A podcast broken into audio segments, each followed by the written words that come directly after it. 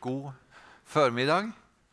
Veldig trivelig å se dere igjen. Og jeg kommer fra Tvedestrand nå. Altså har jeg sagt til de som spør meg, jeg er mye på Kjønnefoss, og der, der trives jeg kanskje aller best. Ikke det at det er noe galt med Tvedestrand, men eh, det er bare sånn det er. Jeg er en bygdegutt.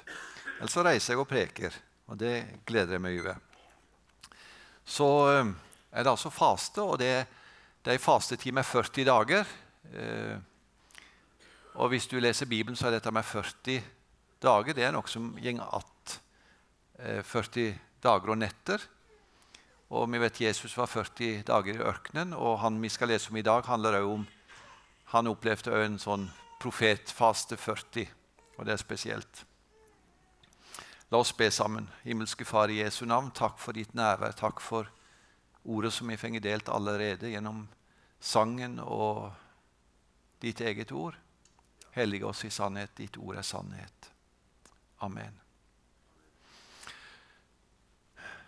Bestemor hadde ei veldig tykk bok med en merkelig tittel. Eh, og den heter 'Tisbiten Elias'. Og Det er ikke sikkert at du har sett den boka, men det er en som heter Kromaker som har skrevet den. Ei gammel bok. Og Jeg har aldri lest den, for den var for å si den var skremmende tykk, 630 sider, på gotisk skrift. Og Da hadde ikke jeg lyst til å lese den, men jeg har tenkt kanskje at jeg nå skal få tid til å lese den. Men øh, den setter meg på et spor av dette med Elias, eller nå Elia. De har kutta ut S-en når de har oversatt nå pga. uttalen på hebraisk antagelig. Så Elia. Og nå skal jeg lese en tekst for dere fra første kongebok, kapittel 19.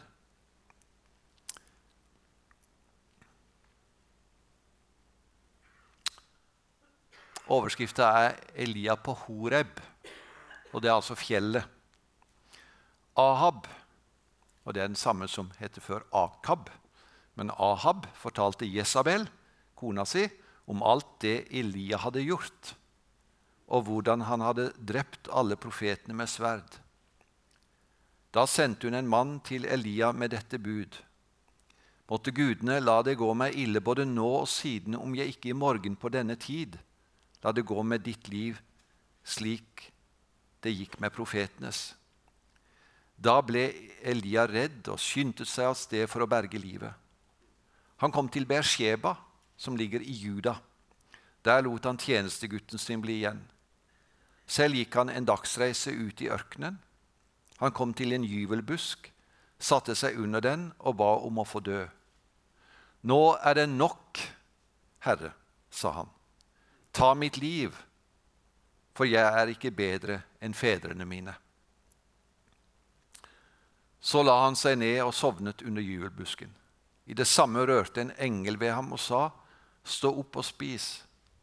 Og da han så seg om, fikk han øye på en brødleiv bakt på glødende steiner og en krukke med vann ved hodet sitt. Han spiste og drakk og la seg igjen. Men Herrens engel kom en gang til, rørte ved ham og sa, Stå opp og spis, ellers blir veien for lang for deg. Da sto han opp og spiste og drakk, og styrket av maten gikk han 40 dager og 40 netter til han kom til Guds fjell Horeb. Der gikk han inn i en hule og sov der om natten. Da kom Herrens ord til ham, og det lød så:" 'Hvorfor er du her, Elia?' Han svarte, 'Jeg har vist brennende iver for Herren herskarenes Gud.' For israelittene har forlatt din pakt, dine altere har de revet ned, og dine profeter har de drept med sverd. Jeg er den eneste som er igjen, og nå står de meg etter livet. Da sa Herren, gå ut og still deg opp på fjellet for Herrens ansikt, så vil Herren gå forbi. Foran Herren kom en stor og sterk storm som kløvde fjell og knuste klipper. Men Herren var ikke i stormen. Etter stormen kom et jordskjelv, men Herren var ikke i jordskjelvet. Etter jordskjelvet en ild, men Herren var ikke i ilden. Etter ilden lyden av skjør stillhet. Da Elia hørte den, dro han kappen for ansiktet, gikk ut og stilte seg i hulåpningen. Da lød det en stemme som sa, 'Hvorfor er du her, Elia?' Han svarte, 'Jeg har vist brennende iver for Herren herskarenes Gud.' For israelittene har forlatt din pakt. Dine altre har de revet ned, og dine profeter har de drept med sverd. Jeg er den eneste som er igjen, og nå står de meg etter livet. Det er ikke mange som deler så brutalt og ærlig ifra livet sitt som Elia. For vi kan ha tanker og ikke minst forestillinger om mennesker som vi bare ser i det ytre og tenker at ja, sånn er de. Men det er jo ikke sånn folk er. Jeg er ikke sånn som du ser meg nå. På en måte er jeg sånn, men på en annen måte er jeg ikke sånn. For det er så mye mer av meg enn det du ser. Sånn er livet for alle. Og hvis det ikke var for kapittel 19 Det er seks kapittel som omhandler Elia. Hvis det ikke var for kapittel 19, så hadde bildet av profeten Elia hadde vært et helt annet. For det er ganske fantastisk å lese om han i de to første kapitlene som omhandler Elia. Det er noen fantastiske historier. Dramatiske og fantastiske.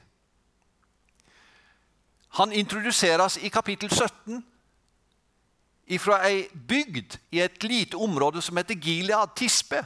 Tispitten Elias. Elia fra Tispe, en av innbyggerne i Gilead, sa til Ahab Han går rett til kongen. Rett ifra bygda. Så sant Herren Israels Gud lever, Han som jeg tjener, de første årene skal det verken komme dugg eller regn utenpå mitt ord. Det hadde gått 100 år etter David. Forfall og frafall i Israel var så enormt. Det folket som hadde dyrka Gud, bygd alter for Gud, hadde revet ned altera bygd nye alter for Bal og Astarte. Og så er det at Elia, denne ukjente, går rett til kongen med et ord ifra Gud. Og Han starter med å si jeg er ingen profet, men det er den Gud som jeg tjener. Han opplevde ganske fort mirakler. Han kom til ei enke. Og det første han sier til henne, 'Kan jeg få mat?' Og så sier hun du spør meg om mat. Jeg har en sønn, og vi har ikke mat igjen. Det eneste vi har igjen, det er ei lita krukke med mjøl. Gå og hent. Og så skal du finne ut av at når du lager mat til meg og den krukka, den skal ikke bli tom. Melkrukken ble ikke tom, og oljen i muggen tok ikke slutt. Det gikk som Herren hadde sagt gjennom Elia. For et mirakel! Og det går enda lenger med Elia. Sønnen til enka dør. Og Hun går rett i fleisen på profeten Elia og sier, 'Hva er det du har gjort?' 'Her kommer du som gudsmann, og så dør gutten min.' 'Du lager jo ulykke.' Og Så sier Elia bare, 'Ta det helt med ro.' Og Så tar han han opp på loftet, og så er han alene med han, og så vekker han opp. Da Herren hørte Elias bønn, og livet vendte tilbake til gutten. Han blir levende igjen. Det er ikke mange av de tingene du leser om i Bibelen. Dødesoppvekkelse. Jesus gjorde det. Elia gjorde det. Men det var sannelig ikke mange som gjorde det. Og det mest dramatiske det er når han som en ildfull profet, dristig, tar tak i kongen og sier nå samles vi på Karmelsfjellet. Og de som har vært i Israel og vært på Karmelsfjellet, vet at det står en svær statue av profeten Elia, ildprofeten, som står der med sverdet og ilden. Elia trådte fram for hele folket og sa, 'Hvor lenge vil dere halte til begge sider?' Er Herren Gud, så følg ham, og er Bal Gud, så følg ham. Men folket svarte ham ikke et ord. Og Når Balsprofetene forsøker å få, han, få ild fra himmelen, så håner han deg. Han, han, han, Han, driver gjøn med det. Han er, så, han er så på. Det er en mektig profet. Da det var blitt middag, hånte Elia dem og sa, rop høyere, han er jo Gud. Han er vel falt i tanker, eller han er gått avsides, og på, på hebraisk står det egentlig at han er gått på do. Eller han har gått på do, eller ute på reise. Kanskje han sover om å våkne. Det er, det er en mektig mann. Du blir imponert av han.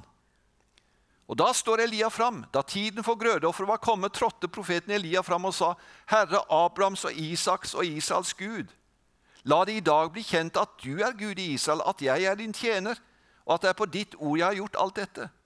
Svar meg, Herre, svar meg, så dette folket skjønner at du, Herre, er Gud, og du har vendt deres hjerte til deg igjen. Da for Herrens ild ned og fortærte både brennofferet og veden, steinene og jorden, og slikket opp vannet som var i grøften. Da folket så det, kastet de seg ned med ansiktet mot jorden og sa, 'Herren, han er Gud, Herren, han er Gud.' For et mektig møte på Karmel. Er ikke du imponert? Er ikke det fascinerende å lese om en sånn profet?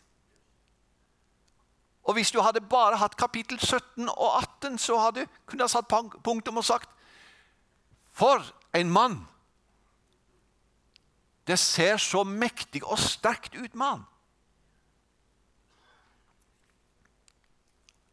Men kapittel 19 er en annen historie. Tro aldri at én historie er alle historier. Tro absolutt ikke at det er hele historien. Ikke tro at når én kamp er vunnet, så er alle de andre slag vunnet. Ikke tro det.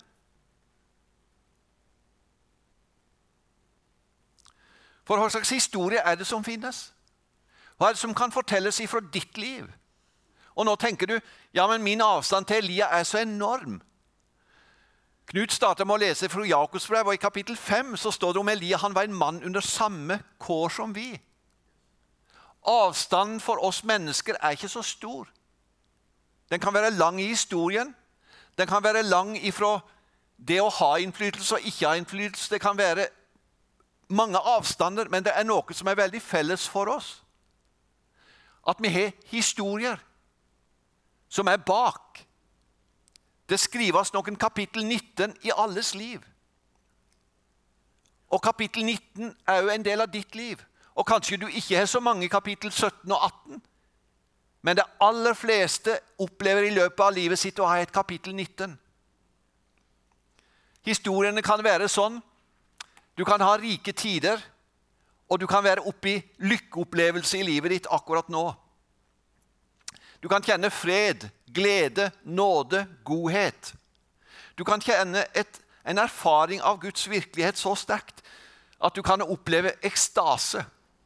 Og En som kjente på det i sitt liv til tider, det var Paulus. Jeg kommer nå til syner og åpenbaringer, sier han. Han var rykka inn i en tredje himmel, og jeg vet ikke om det tjener noe å fortelle om det, men han var i ekstatiske opplevelser. Det går an åndelig sett å ha sånne tider da du kjenner at du nesten letter ifra bakken. Og det er fortalt om En som sto på bedehuset og vitna. Det var det gamle bedehuset med som regel stolper som støtta i midten. og var, Han sa det at han sto der og han ble så velsigna at han måtte holde seg fast i stolpen. Ellers hadde han reist opp til himmelen, og da var det en som satt ved sida som sa 'Søren, at du ikke slapp', sa han. For det er noen som har det sånn helt fantastisk. Men jeg kan si jeg er ingen ord til lykkekristne. Jeg er ingen ord til vellykka kristne. Hvis du er av de som bare er lykkekristen, bare vellykka kristen, så er jeg ikke ord til deg.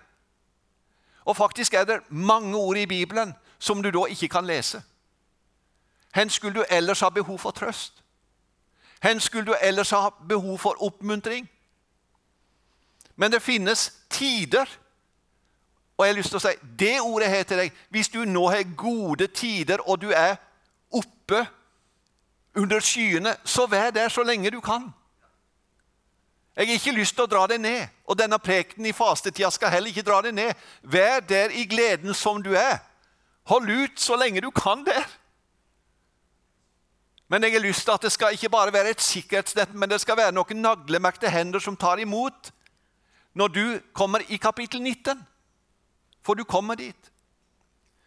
De gamle kalte det sjelens mørke natt. Luther brukte ordet anfektung, anfektelse. Det kommer et tid da Guds nærvær ikke er en positiv opplevelse. Det kommer tider i et menneskes liv der det faktisk kan kjennes som en anfektelse. Det kan både være truende og dramatisk når Gud kommer nær med sitt nærvær. For jeg avsløres i mitt innerste, og jeg avsløres at stoffet i meg Det er ikke så bra som jeg trodde at det var. Egen syndighet og utilstrekkelighet og la meg si, det er jo aldri punktum i en kristens liv, men det er en kristens erfaring. Han kommer inn i sjelens mørke natt. For det skrives et kapittel 19 i livet ditt.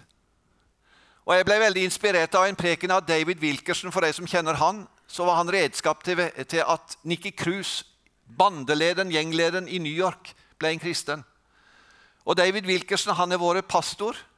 Til han omkom i ei bilulykke for en del år tilbake, så var han pastor i mange år i en menighet og prekte. Og Han hadde en preken som du kan høre på YouTube, som heter 'The War of the Saints' eller The Private War of the Saints, den private krig for de hellige.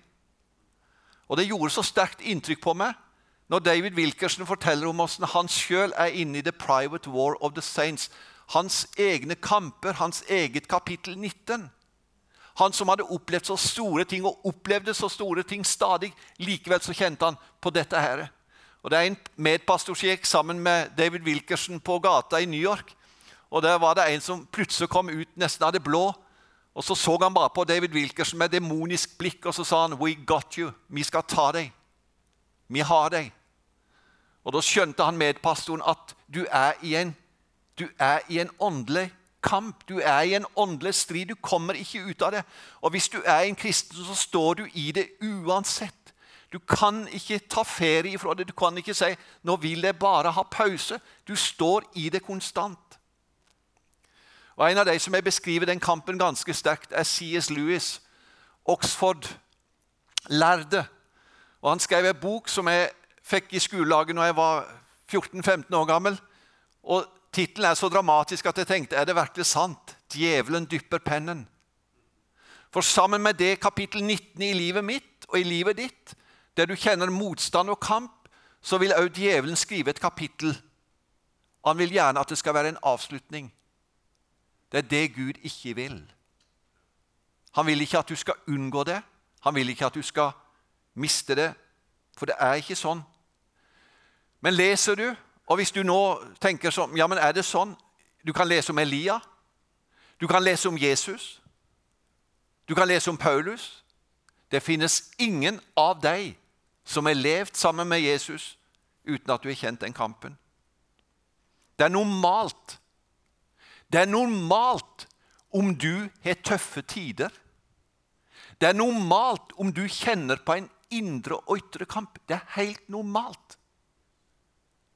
Jeg vil si, Det er nesten unormalt hvis du ikke kjenner på det.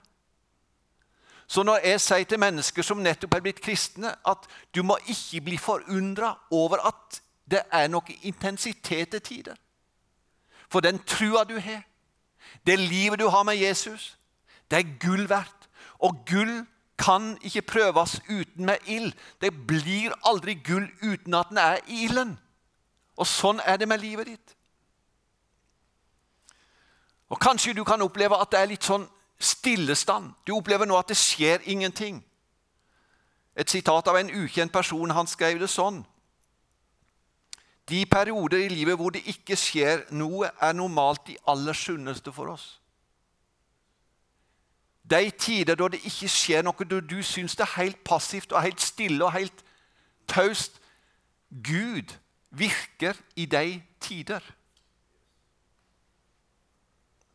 For det er noe som må vekk ifra oss, det er noe som må ut av livet vårt. Og Her er et godt sitat av en. Når alle tilløp til å ville stole på seg selv eller noe annet er svidd av, kan troen slå rot i Guds egen uforanderlige kjærlighet. Og Dette åpner for erfaringer av et helt nytt livsfundament. Denne overveldende opplevelse av den guddommelige kjærlighetsfylde er, livs, er en livsforvandlende erfaring. Og Jeg har lyst til å peke på at det er, det er livsforvandlingens store hendelse i livet ditt, det er når du blir omfavnet av en kjærlighet. Og gjerne etter den kampen og midt i den kampen. Men det er noe som må bli svidd av. Det er noe som må bli tatt bort. Det er noe som Gud vil smelte ut. Slagg, renselsesprosess. Og det er tøffe tider.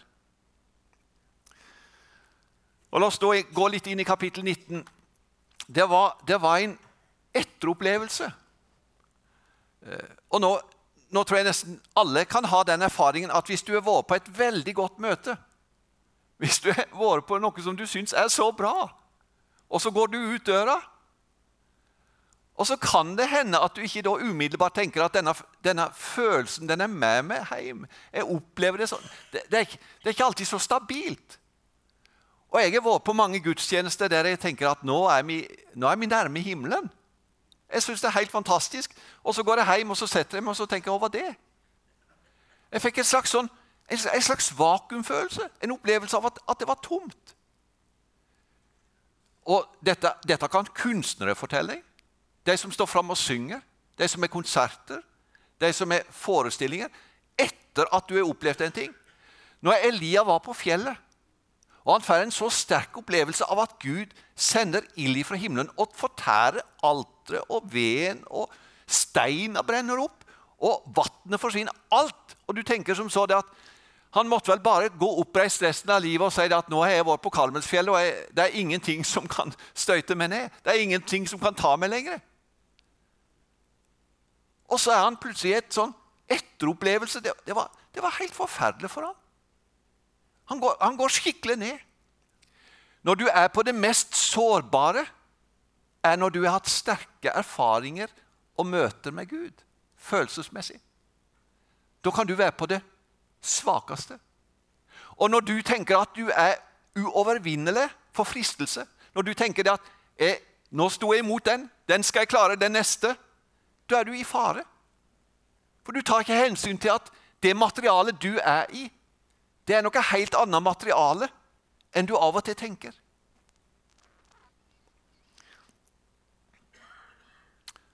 Og Du kan få en sånn downess. David Wilkerson kaller den prekenen sin en sånn downess. og Jeg vet ikke hvordan jeg skal oversette det engelsk, til norsk nå, men downess det, du, du, du, du, bare blir Du, du ligger nedpå. Downess. Det det er bare så nede.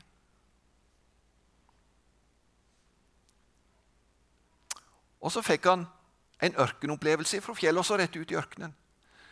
Når vi hadde skolelag hjemme, så, så når det nærma seg sommeren, så sa vi det at uh, sommeren må ikke, må ikke, bli en ørkenvandring. Og det skjønner du, det må ikke bli en ørkenvandring.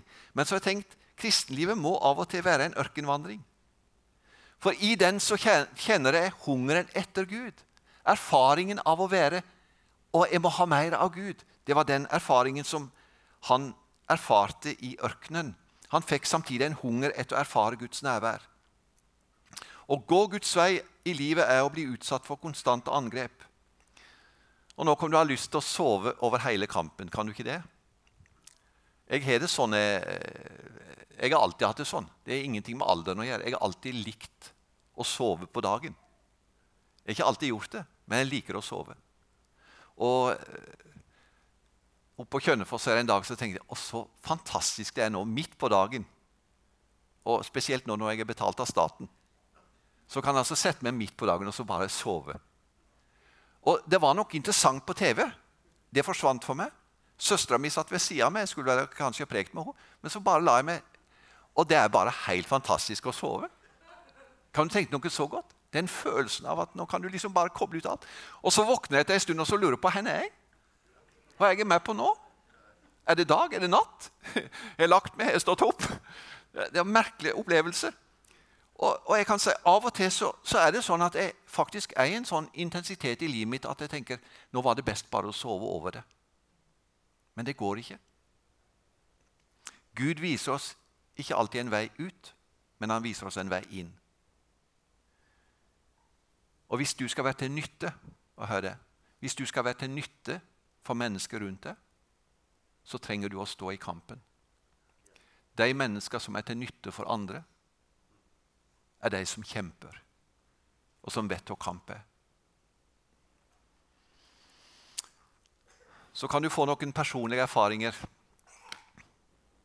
Og nå skal jeg ta det litt med i litt av det som Elia opplevde, og det som jeg kan oppleve, og som du kan oppleve i kapittel 19 i livet vårt. Frykt. Det var ett ord, en beskjed fra ei eksentrisk dronning, Jesabel. Ei gal, ei gal dame. Ett ord, beskjed ifra henne, gjorde til at Elia ble livredd. Har du fått kritikk? Har du kjent på svakhet? Har du tenkt med deg sjøl at uh, Nei, nå bare frykter jeg og flykter.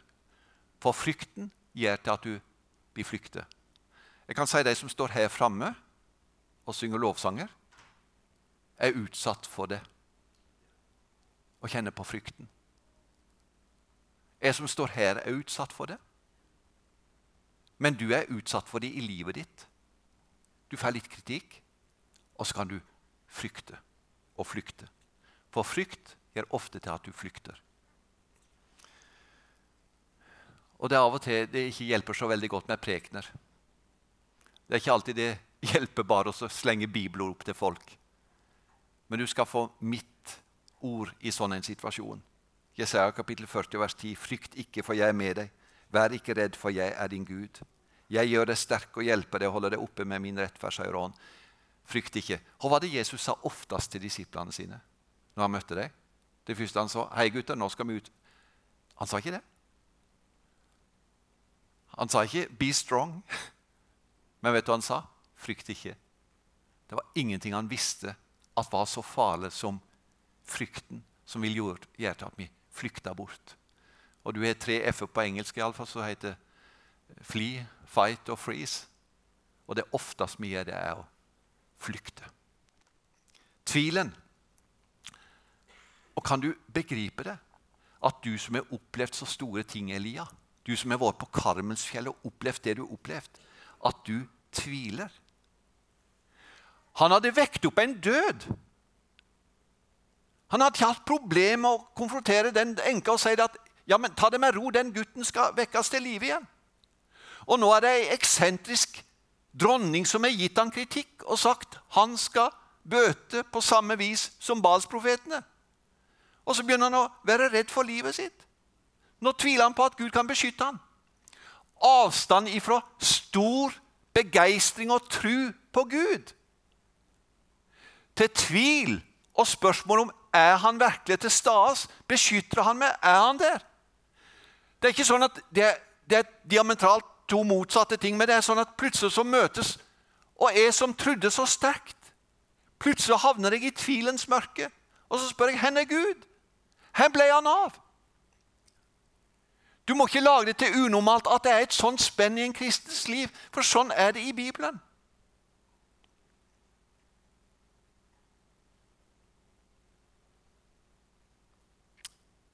Elia kjente en ufattelig smerte. Det var hans kamp. Folket som hadde forlatt Gud og var i fra, frafall og forfall. Det er en kristens kamp. Jeg vet ikke om du har noen venner som før trodde på Jesus, men som ikke gjør det lenger? Jeg vet ikke om du har en kamp med de mennesker som du har rundt deg, som du ser nå ikke hører Jesus til lenger?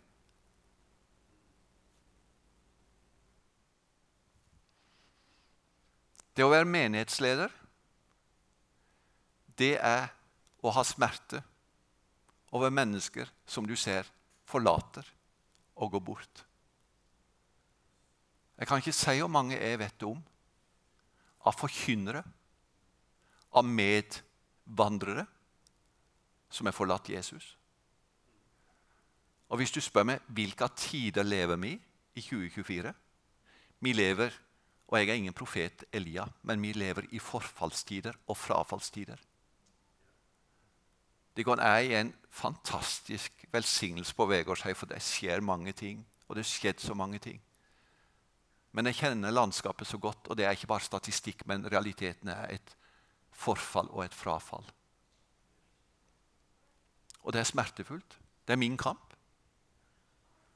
Og Jeg kan ikke legge ordene mine så sterkt som Paulus, men han sier, 'Hvem er svak uten at også jeg blir svak?'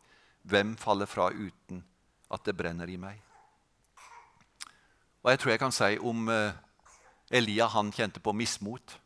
Og for et mismot han kjente på. Når det blir mørkt. Nå er det nok, Herre. Og mismotet, det kommer. I 2. Korinterbrev 7,5 så sier Paulus for heller ikke da vi kom til Makedonia, ble det lettere for oss. Vi møtte bare motgang, ytre strid og indre angst. Dette er apostelen Paulus! Og du tenker, har han den kampen? Ja. Sånn er det. Mismotet. Men så kommer det et ord fra 2. Timotus brev 1,7.: For Gud ga oss ikke en ånd som gjør motløs, men vi fikk ånden som gir kraft, kjærlighet og visdom. Jeg har lyst til å si til deg hvis du er mismodig Du trenger å få nytt mot. Og Jeg skulle be om at du fikk det i dag, at du ikke trekker det unna og sier nå er det nok, Herre. Nå orker jeg ikke mer. Og så var han tom for energi. Og hva var det han gjorde når han kom til enka i Sarepta? Da sa Elia, 'Hent mat.' Da, da sørga han for mat. 'Ja, men det er ikke nok.' 'Ja, men det skal bli nok', sa Elia. Og så plutselig slutter han å ete. I 1978 begynte jeg som forkynner i Indremisjonen. Og jeg tenkte Arvid, du er i den mest fantastiske situasjonen som du kan være. Du skal bruke masse tid på å be og lese. Nå skal du, få tid til å, nå skal du virkelig få tid til det du lengter etter. Og etter 45 år, snart 46 år nå, så kan jeg si min daglige kamp har vært at jeg ikke går tom for energi. Det var min daglige kamp til dags dato.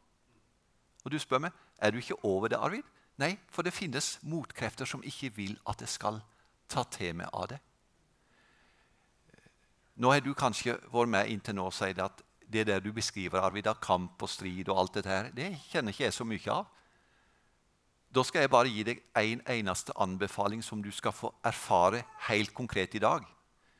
I dag har jeg lyst til at du skal gå hjem og så skal du bruke god tid sammen med Bibelen og bønn. Bare gjør det. Og hvis jeg sier det til deg, så kan du si eh, jeg vet ikke om det går i dag. For i dag skal vi ha selskap. Og så er det noe på TV-en. Og så er det Ja, så må jeg ut. Jeg er garantert på at du vil oppleve det. Hold deg nær til Gud. Han hadde ikke tatt hensyn til sin egen åndelige helse. Den største kampen i ditt og mitt liv er å ta hensyn til vår egen åndelige helse. Og 40 dager i faste skulle hjelpe deg til den åndelige helsa. Og så det, som, det vanskelige som skjer, det er skuffelser. Når jeg trodde at det var en annen enn jeg egentlig viser meg som. I ekteskap sammen med Lilland etter mange år så har jeg av og til noen skuffelser over meg sjøl. Tenk at jeg kunne si det. Jeg sa det sist uke, forresten. Jeg sa noe til henne som jeg ikke skulle ha sagt. Og Jeg bare trekte meg tilbake og sa Lillian, du må tilgi meg. Kan, du, altså, kan, kan, kan, det være noe så dumt at jeg som er glad i et menneske, sier noe så dumt? Du kjenner meg ikke, men jeg sier noe dumt. Når jeg er på talerstolen, så prøver jeg å unngå det. Men jeg klarer ikke alltid med den mennesket som jeg er mest glad i. Og jeg er skuffa over meg sjøl. Og det var en som var skuffa denne dagen ifølge teksten, dagens tekst. Og det var Peter. Når han sier Jesus, du må aldri gå til korset, du må aldri gå til Golgata. Og Så ser Jesus på han, og så sier han, vik bak med Satan. Du er ikke sans for det som Gud vil, bare for det som mennesket vil. Jeg tror den dagen var en stor skuffelse for Peter tenker jeg bare sans for det som mennesket vil, og ikke det Gud vil. Har du vært skuffa over at du av og til bare er sans for det som du sjøl vil, og ikke det Gud vil?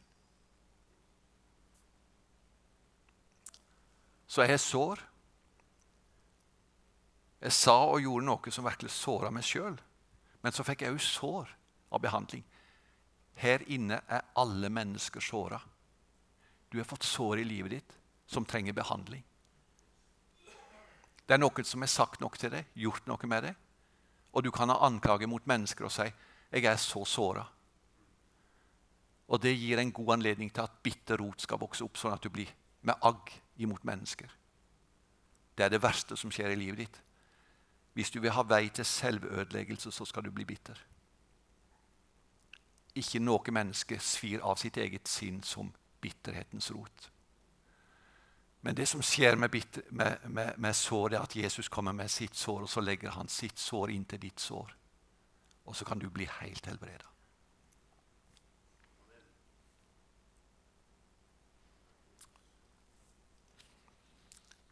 Max Lucado solgt 175 millioner eksemplarer av sine bøker. Fantastisk forkynner. Han sto fram nettopp, og så sier Max Lucado Forfatteren forteller at han i en alder av 50 år begynte å drikke øl for å håndtere kravene fra en verden som han opplevde var blitt gal.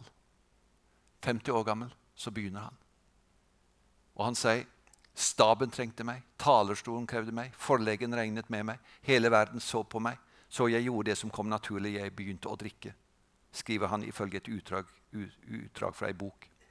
Ikke offentlig, jeg var typen du kan se i dagligvarehandel som kjøper en stor boks øl, gjemmer den i en pose og presser den mot låret slik at ingen vil se det når han skynder seg mot døren. Min utvalgte butikk lå på den andre siden av byen slik at jeg ikke skulle bli sett. Jeg tror den tyngste byrden å bære er å prøve å fremstå perfekt. Denne ideen om at jeg må framstå som om jeg har fått alt til, det er utmattende, sier Max Lucado.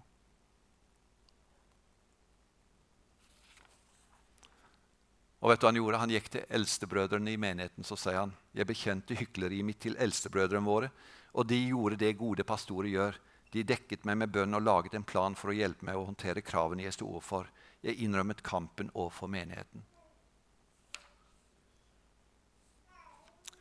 Og så er det et ord til oss, alminnelige kristne.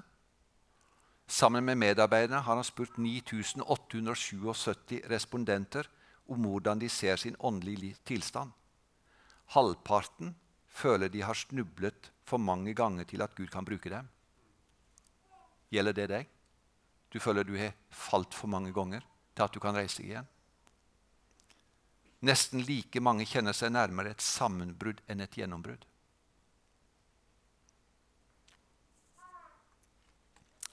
Helt til slutt Det skjer noe i kapittel 19 når Gud kommer til. Gud hører oss når du roper, og du kan rope mot Gud i fortvilelse. 'Nå er det nok, Herre. Ta mitt liv, for jeg er ikke bedre enn fedrene mine.' Gud hører sånne rop. At du ærlig sier til Gud akkurat sånn som det. Når du er i kapittel 19. Er du i kapittel 17 og 18, så roper du ikke. Ild i Men er du der, så roper du. Gud rører ved oss. I det samme rørte en engel ved ham. Gud rører ved deg. Gud tar tak i situasjonen din. Gud dekker bordet. Stå opp og spis, ellers blir veien for lang for deg. Og så kommer Gud åpenbare seg. Og legg merke til åpenbaringen av Gud.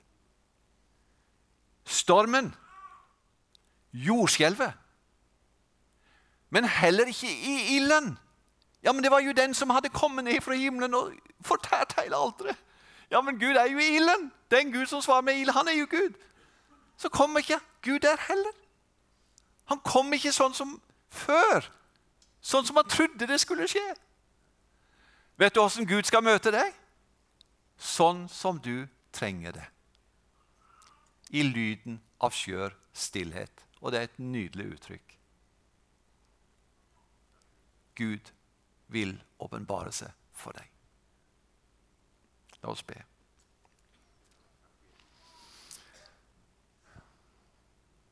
Kjære Jesus, jeg takker deg for hver enkelt som er her i dag. Og du ser hver enkelts vandring og liv. Du ser livserfaringer som på godt og vondt. Du ser om de føler seg nærmere sammenbrudd enn gjennombrudd noen opplever mer at det er til avslutning, at det er en avvikling. Takk, Jesus, for det at du rører ved oss igjen. Jeg har lyst til å be nå, Jesus, for alle som er her. La ingen gi opp. La ingen tenke at det er snubla for ofte. La ingen tenke, Jesus, at det er ikke håp. For vi vet at sjeler finner vi at vi skal være nederlagsdømte. Og utestengt. Din plan er å møte oss, Jesus, og reise oss opp igjen. Legge ditt sår imot vårt sår. Din legedom. Kjem Jesus på en måte som er livsforvandlende. Kom, Herre Jesus, til hver enkelt. Vi ber for fastetida. Takk, Jesus, for at vi har en sånn tid der vi kan gå sammen med deg. Lær oss, Jesus. Vis oss. Amen.